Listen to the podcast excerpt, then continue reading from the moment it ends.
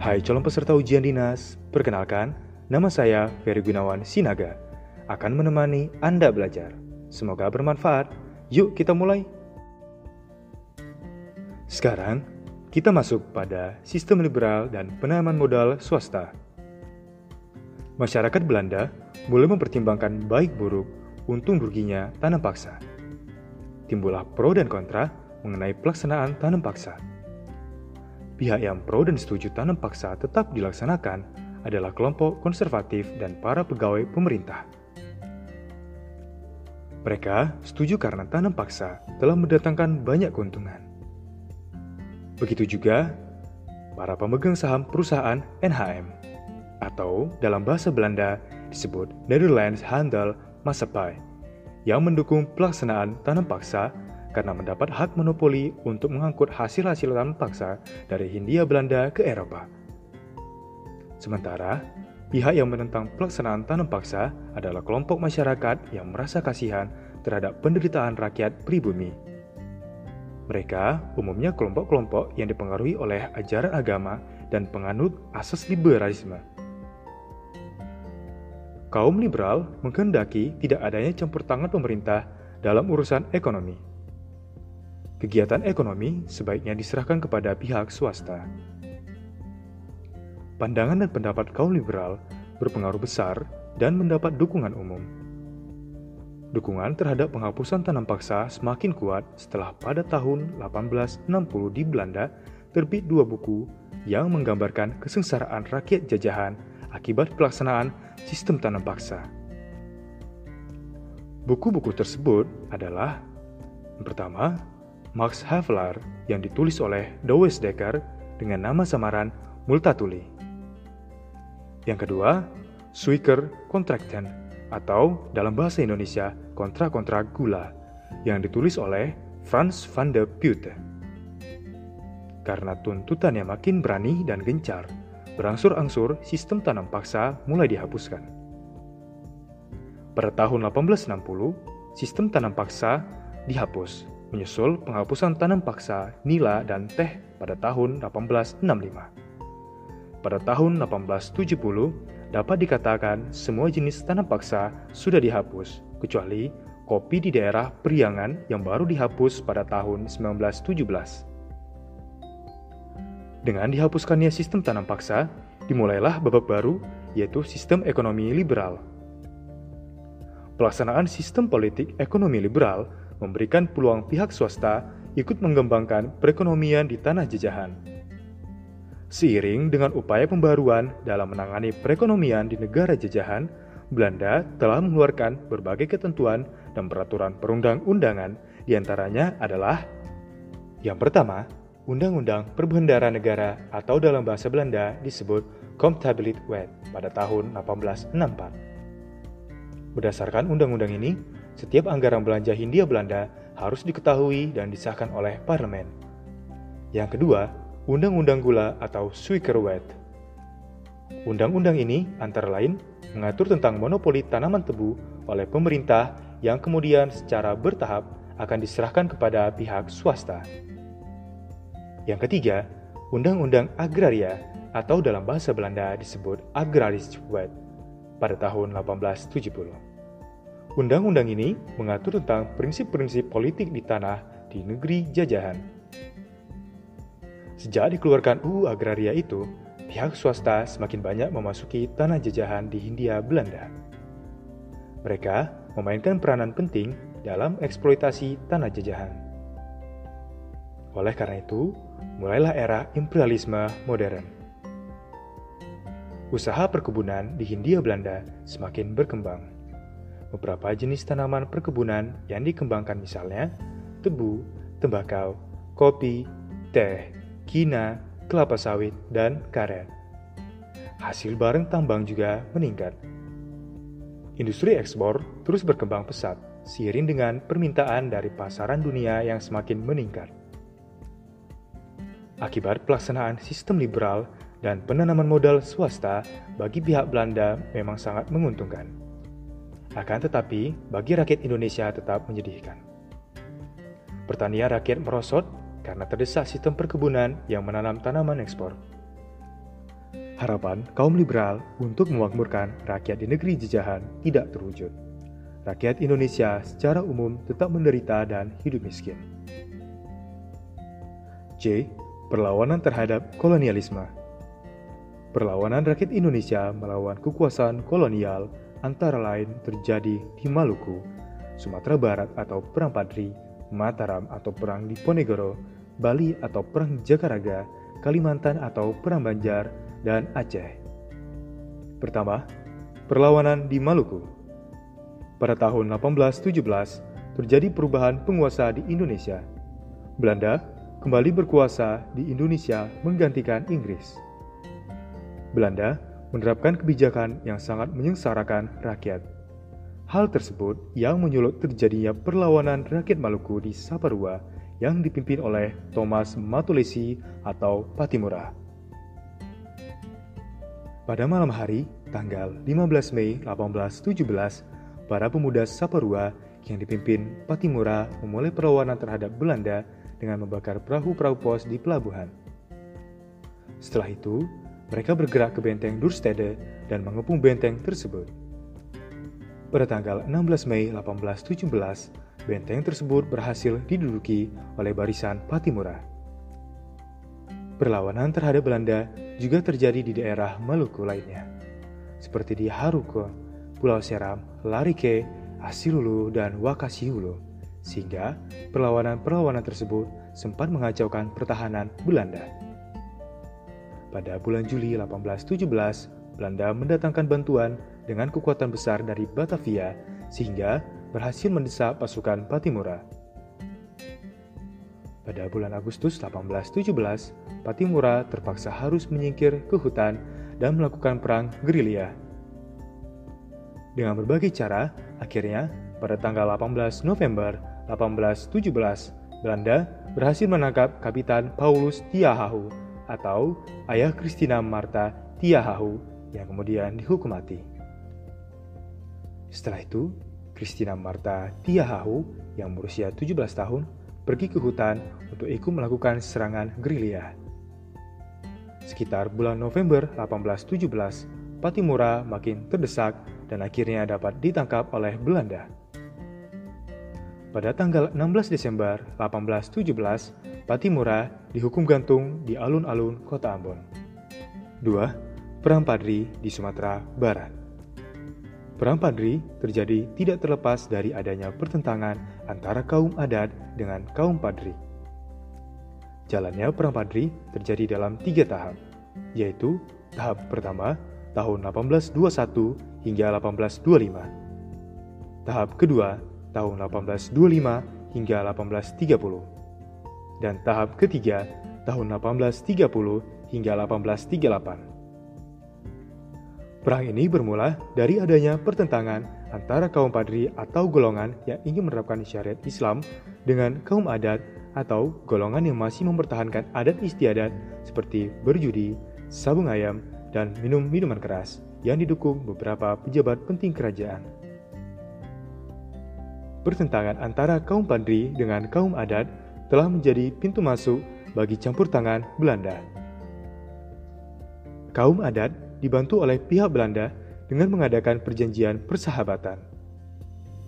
Berdasarkan perjanjian ini, maka beberapa daerah kemudian diduduki oleh Belanda. Pada tanggal 18 Februari 1821, Belanda yang telah diberi kemudahan oleh kaum adat berhasil menduduki Simawang.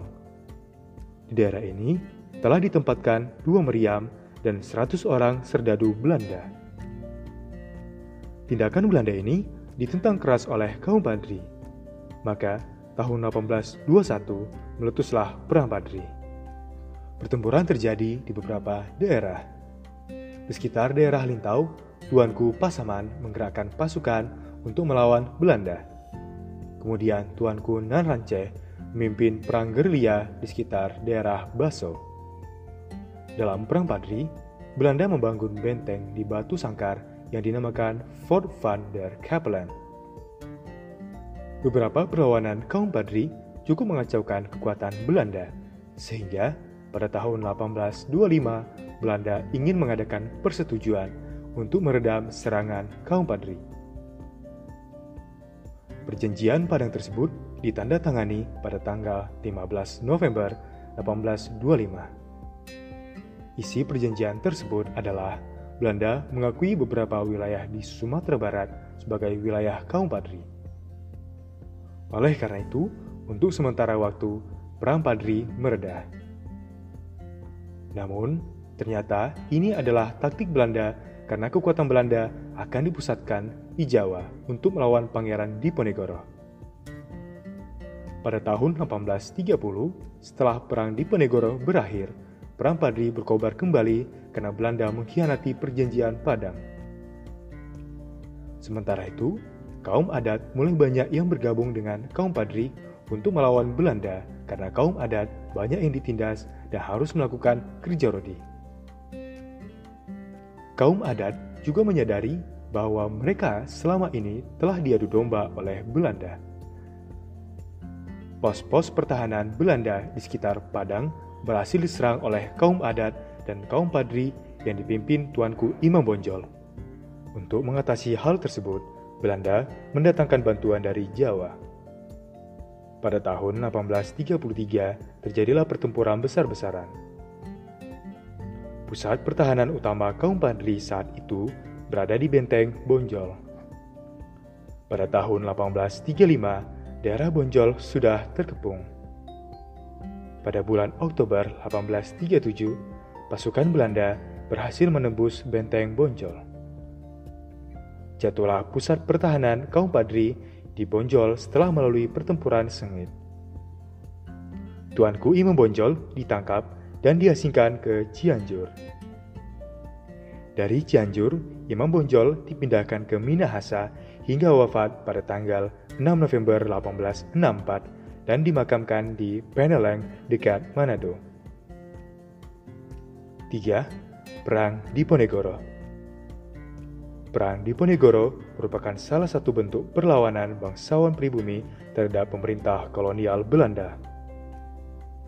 Perang tersebut bergejolak ketika pemerintah kolonial Belanda akan membuat jalan raya yang menerobos makam leluhur Pangeran Diponegoro. Hal itulah yang membuat Pangeran Diponegoro marah dan menganggapnya sebagai suatu penghinaan. Untuk memperkuat kekuasaannya, beliau membangun pusat pertahanan di Selarong. Namun, untuk mengecoh pihak Belanda, Pangeran Diponegoro juga membuat markas berpindah-pindah ke Pleret, Dekso, dan Pengasih. Perlawanan Pangeran Diponegoro mendapat sambutan dan bantuan dari berbagai pihak. Kiai Mojo beserta murid-muridnya dengan niat berjihad telah menggabungkan diri dengan barisan Pangeran Diponegoro. Panglima pasukan dipegang oleh Sentot Alibasa Prawirdo Dirjo dengan taktik perang gerilya pada tahun 1825 hingga 1826, pasukan Diponegoro memperoleh banyak kemenangan. Pada tahun 1827, Jenderal de Kock dengan siasat benteng Stelsel banyak mendapat kemenangan. Sebaliknya, dari tahun 1827 hingga 1829, kedudukan Pangeran Diponegoro sudah cukup sulit. Di antara para pembantunya, sudah banyak yang dibujuk Belanda untuk berdamai dan menghentikan perlawanan, seperti Sentot Alibasa Prawiro Dirjo. Untuk mengakhiri perang, Belanda menawarkan perundingan. Namun, Pangeran Diponegoro sulit menerima tawaran itu. Karena situasi yang semakin mendesak, akhirnya Pangeran Diponegoro mau untuk melakukan perundingan pada tanggal 28 Maret 1830 di Magelang. Ternyata, itu hanya tipu muslihat. Pangeran Diponegoro ditangkap dan diasingkan ke Manado, kemudian dipindah ke Masaka. Akhirnya, tanggal 8 Januari 1855, beliau wafat dan dimakamkan di Kampung Melayu, Makassar. 4. Perang Jagaraga Pada tahun 1844, kapal Belanda terdampar di pantai Buleleng. Sesuai dengan hukum tawan karang, kapal itu menjadi milik kerajaan Buleleng. Akan tetapi, Belanda menuntut agar kapal tersebut dikembalikan. Selain itu, Belanda juga mengultimatum agar seluruh kerajaan di Bali agar tunduk kepada Belanda. Raja Buleleng menolak semua tuntutan Belanda itu, sehingga pada tahun 1846 mendaratkan 1.700 pasukan ke Buleleng. Pemimpin perang dipegang oleh Pati Kerajaan Buleleng, Igusti Ketut Jelantik. Rakyat Bali, terutama di wilayah Kerajaan Buleleng di bawah pimpinan Ketut Jelantik, berusaha bertahan dari gempuran-gempuran pasukan Belanda. Pada pertempuran itu, Buleleng dapat dikalahkan sehingga semua kerajaan Bali harus tunduk pada Belanda. Oleh karena itu, banyak pasukan Belanda yang ditarik ke Jawa. Kesempatan itu dimanfaatkan oleh Raja dan Patih Buleleng untuk menggalang persatuan dan kesatuan dengan kerajaan-kerajaan lain. Di bawah pimpinan Gusti Ketut Jelantik, diserahkan pos Belanda dan senjatanya dirampas. Melihat kenyataan itu, Belanda semakin marah dan pada tahun 1848 dikirimlah pasukan sejumlah 2.300 orang. Belanda mengancam dan menuntut Raja-Raja Bali agar membebaskan para tawanan. Benteng-benteng yang ada di Bali harus dibongkar. Raja-Raja Bali juga harus menanggung kerugian perang serta menyerahkan ketut jelantik kepada pihak Belanda. Tuntutan tersebut tidak dihiraukan oleh Raja-Raja Bali, sehingga Belanda melancarkan serangan terhadap pos-pos pertahanan rakyat di Bali. Belanda cukup kesulitan untuk dapat menghancurkan pertahanan rakyat Bali. Pada tahun 1849, Belanda kembali mengirim pasukan dengan jumlah yang lebih besar – pasukan Belanda langsung menuju Jagaraga dan mengepung benteng Jagaraga serta menguasai benteng tersebut. Dengan kekalahan dalam perang Jagaraga tersebut, maka pada tahun 1849 semua kerajaan di Bali sudah berada di bawah kekuasaan Belanda. 5. Perang Banjar Pada tahun 1859, meletus Perang Banjar karena Belanda menangkap Pangeran Prabu Anom dan pengambil alihan kerajaan Banjar. Akibat tindakan Belanda tersebut, kaum bangsawan dan rakyat merasa kecewa, sehingga mereka mengadakan perlawanan yang dipimpin oleh Pangeran Antasari dan Pangeran Hidayat. Pada bulan April 1859, pasukan Banjar menyerang pos-pos Belanda. Pos pertahanan Belanda di Tabenio berhasil diduduki oleh para pejuang Banjar. Pertempuran juga terjadi di sekitar Sungai Barito. Bahkan, pasukan Pangeran Hidayat yang berada di bawah pimpinan Tumanggung Surapati berhasil membakar dan menenggelamkan kapal onrus milik Belanda. Kemarahan Belanda semakin memuncak sehingga pada tahun 1860 Belanda menuntut agar Pangeran Hidayat menyerah. Namun tuntutan itu ditolak. Untuk melampiaskan kemarahan, maka, tanggal 11 Juni 1860, Belanda secara resmi menghapus Kesultanan Banjar. Banjar langsung diperintah oleh seorang penguasa Belanda. 6. Perang Aceh Rakyat Aceh sangat anti terhadap Belanda. Mereka memandang Belanda sebagai orang-orang kafir. Sebelum Perang Aceh meletus, pada tahun 1873, Belanda mengirim utusan ke Kutaraja untuk menyampaikan tuntutan agar Aceh tunduk kepada Belanda. Akan tetapi, Sultan Mahmud Shah menolak, sehingga Belanda melancarkan serangan di bawah pimpinan Mayor Jenderal Kohler. Pasukan Kohler berhasil menembus pertahanan pasukan Aceh dan masuk kota. Sementara, pasukan Aceh bertahan di Masjid Raya. Dalam pertempuran itu, Kohler tewas tertembak di halaman Masjid Raya sehingga serangan Belanda tersebut gagal. Pada bulan Desember 1873, Belanda melancarkan serangan kembali di bawah pimpinan Mayor Jenderal Van Swieten. Serangan Belanda ini berhasil melahkan para pejuang Aceh, bahkan dapat merebut Masjid Raya dan menduduki istana. Rakyat terus melakukan serangan yang dipimpin oleh para teku atau panglima atau bangsawan dan para tengku atau ulama. Salah seorang pemimpin pertempuran itu adalah Tengku Ci Ditiro. Sementara Tengku Umar bersama istrinya, Cut Din, memimpin pertempuran di pantai barat Aceh. Pada tahun 1882, Tengku Umar, Cut Din, dan pasukannya telah berhasil menguasai daerah Meulaboh. Perang Aceh berlangsung lebih dari 10 tahun. Belanda sudah mengeluarkan biaya yang sangat besar, tetapi baru bisa menguasai daerah Kutaraja. Belanda merasa kesulitan menaklukkan rakyat Aceh, sehingga mengirim Snok Horgomje yang memakai nama samaran Abdul Ghaffar yang bertugas mempelajari cara yang paling tepat dalam menghadapi perlawanan orang-orang Aceh. Ia berkesimpulan bahwa Belanda harus bersikap lunak terhadap kaum bangsawan dan para ulama. Pada tahun 1893, secara tidak terduga-duga, Tuku Umar dan pasukannya menyerah kepada Belanda. Bahkan, Tengku Umar diangkat sebagai panglima yang dipersenjatai lengkap. Namun, pada tahun 1896, setelah mendapatkan senjata dan perbengkalan lengkap, ia dan pasukannya memihak kembali kepada perjuangan rakyat Aceh. Untuk itu, Belanda membentuk pasukan khusus anti-gerilya yang dinamakan Marsusse. Pada tahun 1899, Belanda menyerbu pos-pos pertahanan dan perlawanan rakyat Aceh. Pada tahun itu juga, ketika terjadi pertempuran di Malabo, Tuku Umar gugur sebagai kusuma bangsa. Perlawanan dilanjutkan oleh Cut Din yang terus bergerilya bersama pasukannya. Namun, pada tahun 1905, Chun Din tepat ditangkap Belanda dan dibuang ke Sumedang hingga wafat pada tanggal 6 November 1908. Sementara itu, Sultan Mahmud Daud Shah dan Panglima Polim terus melakukan perlawanan dengan berpindah-pindah.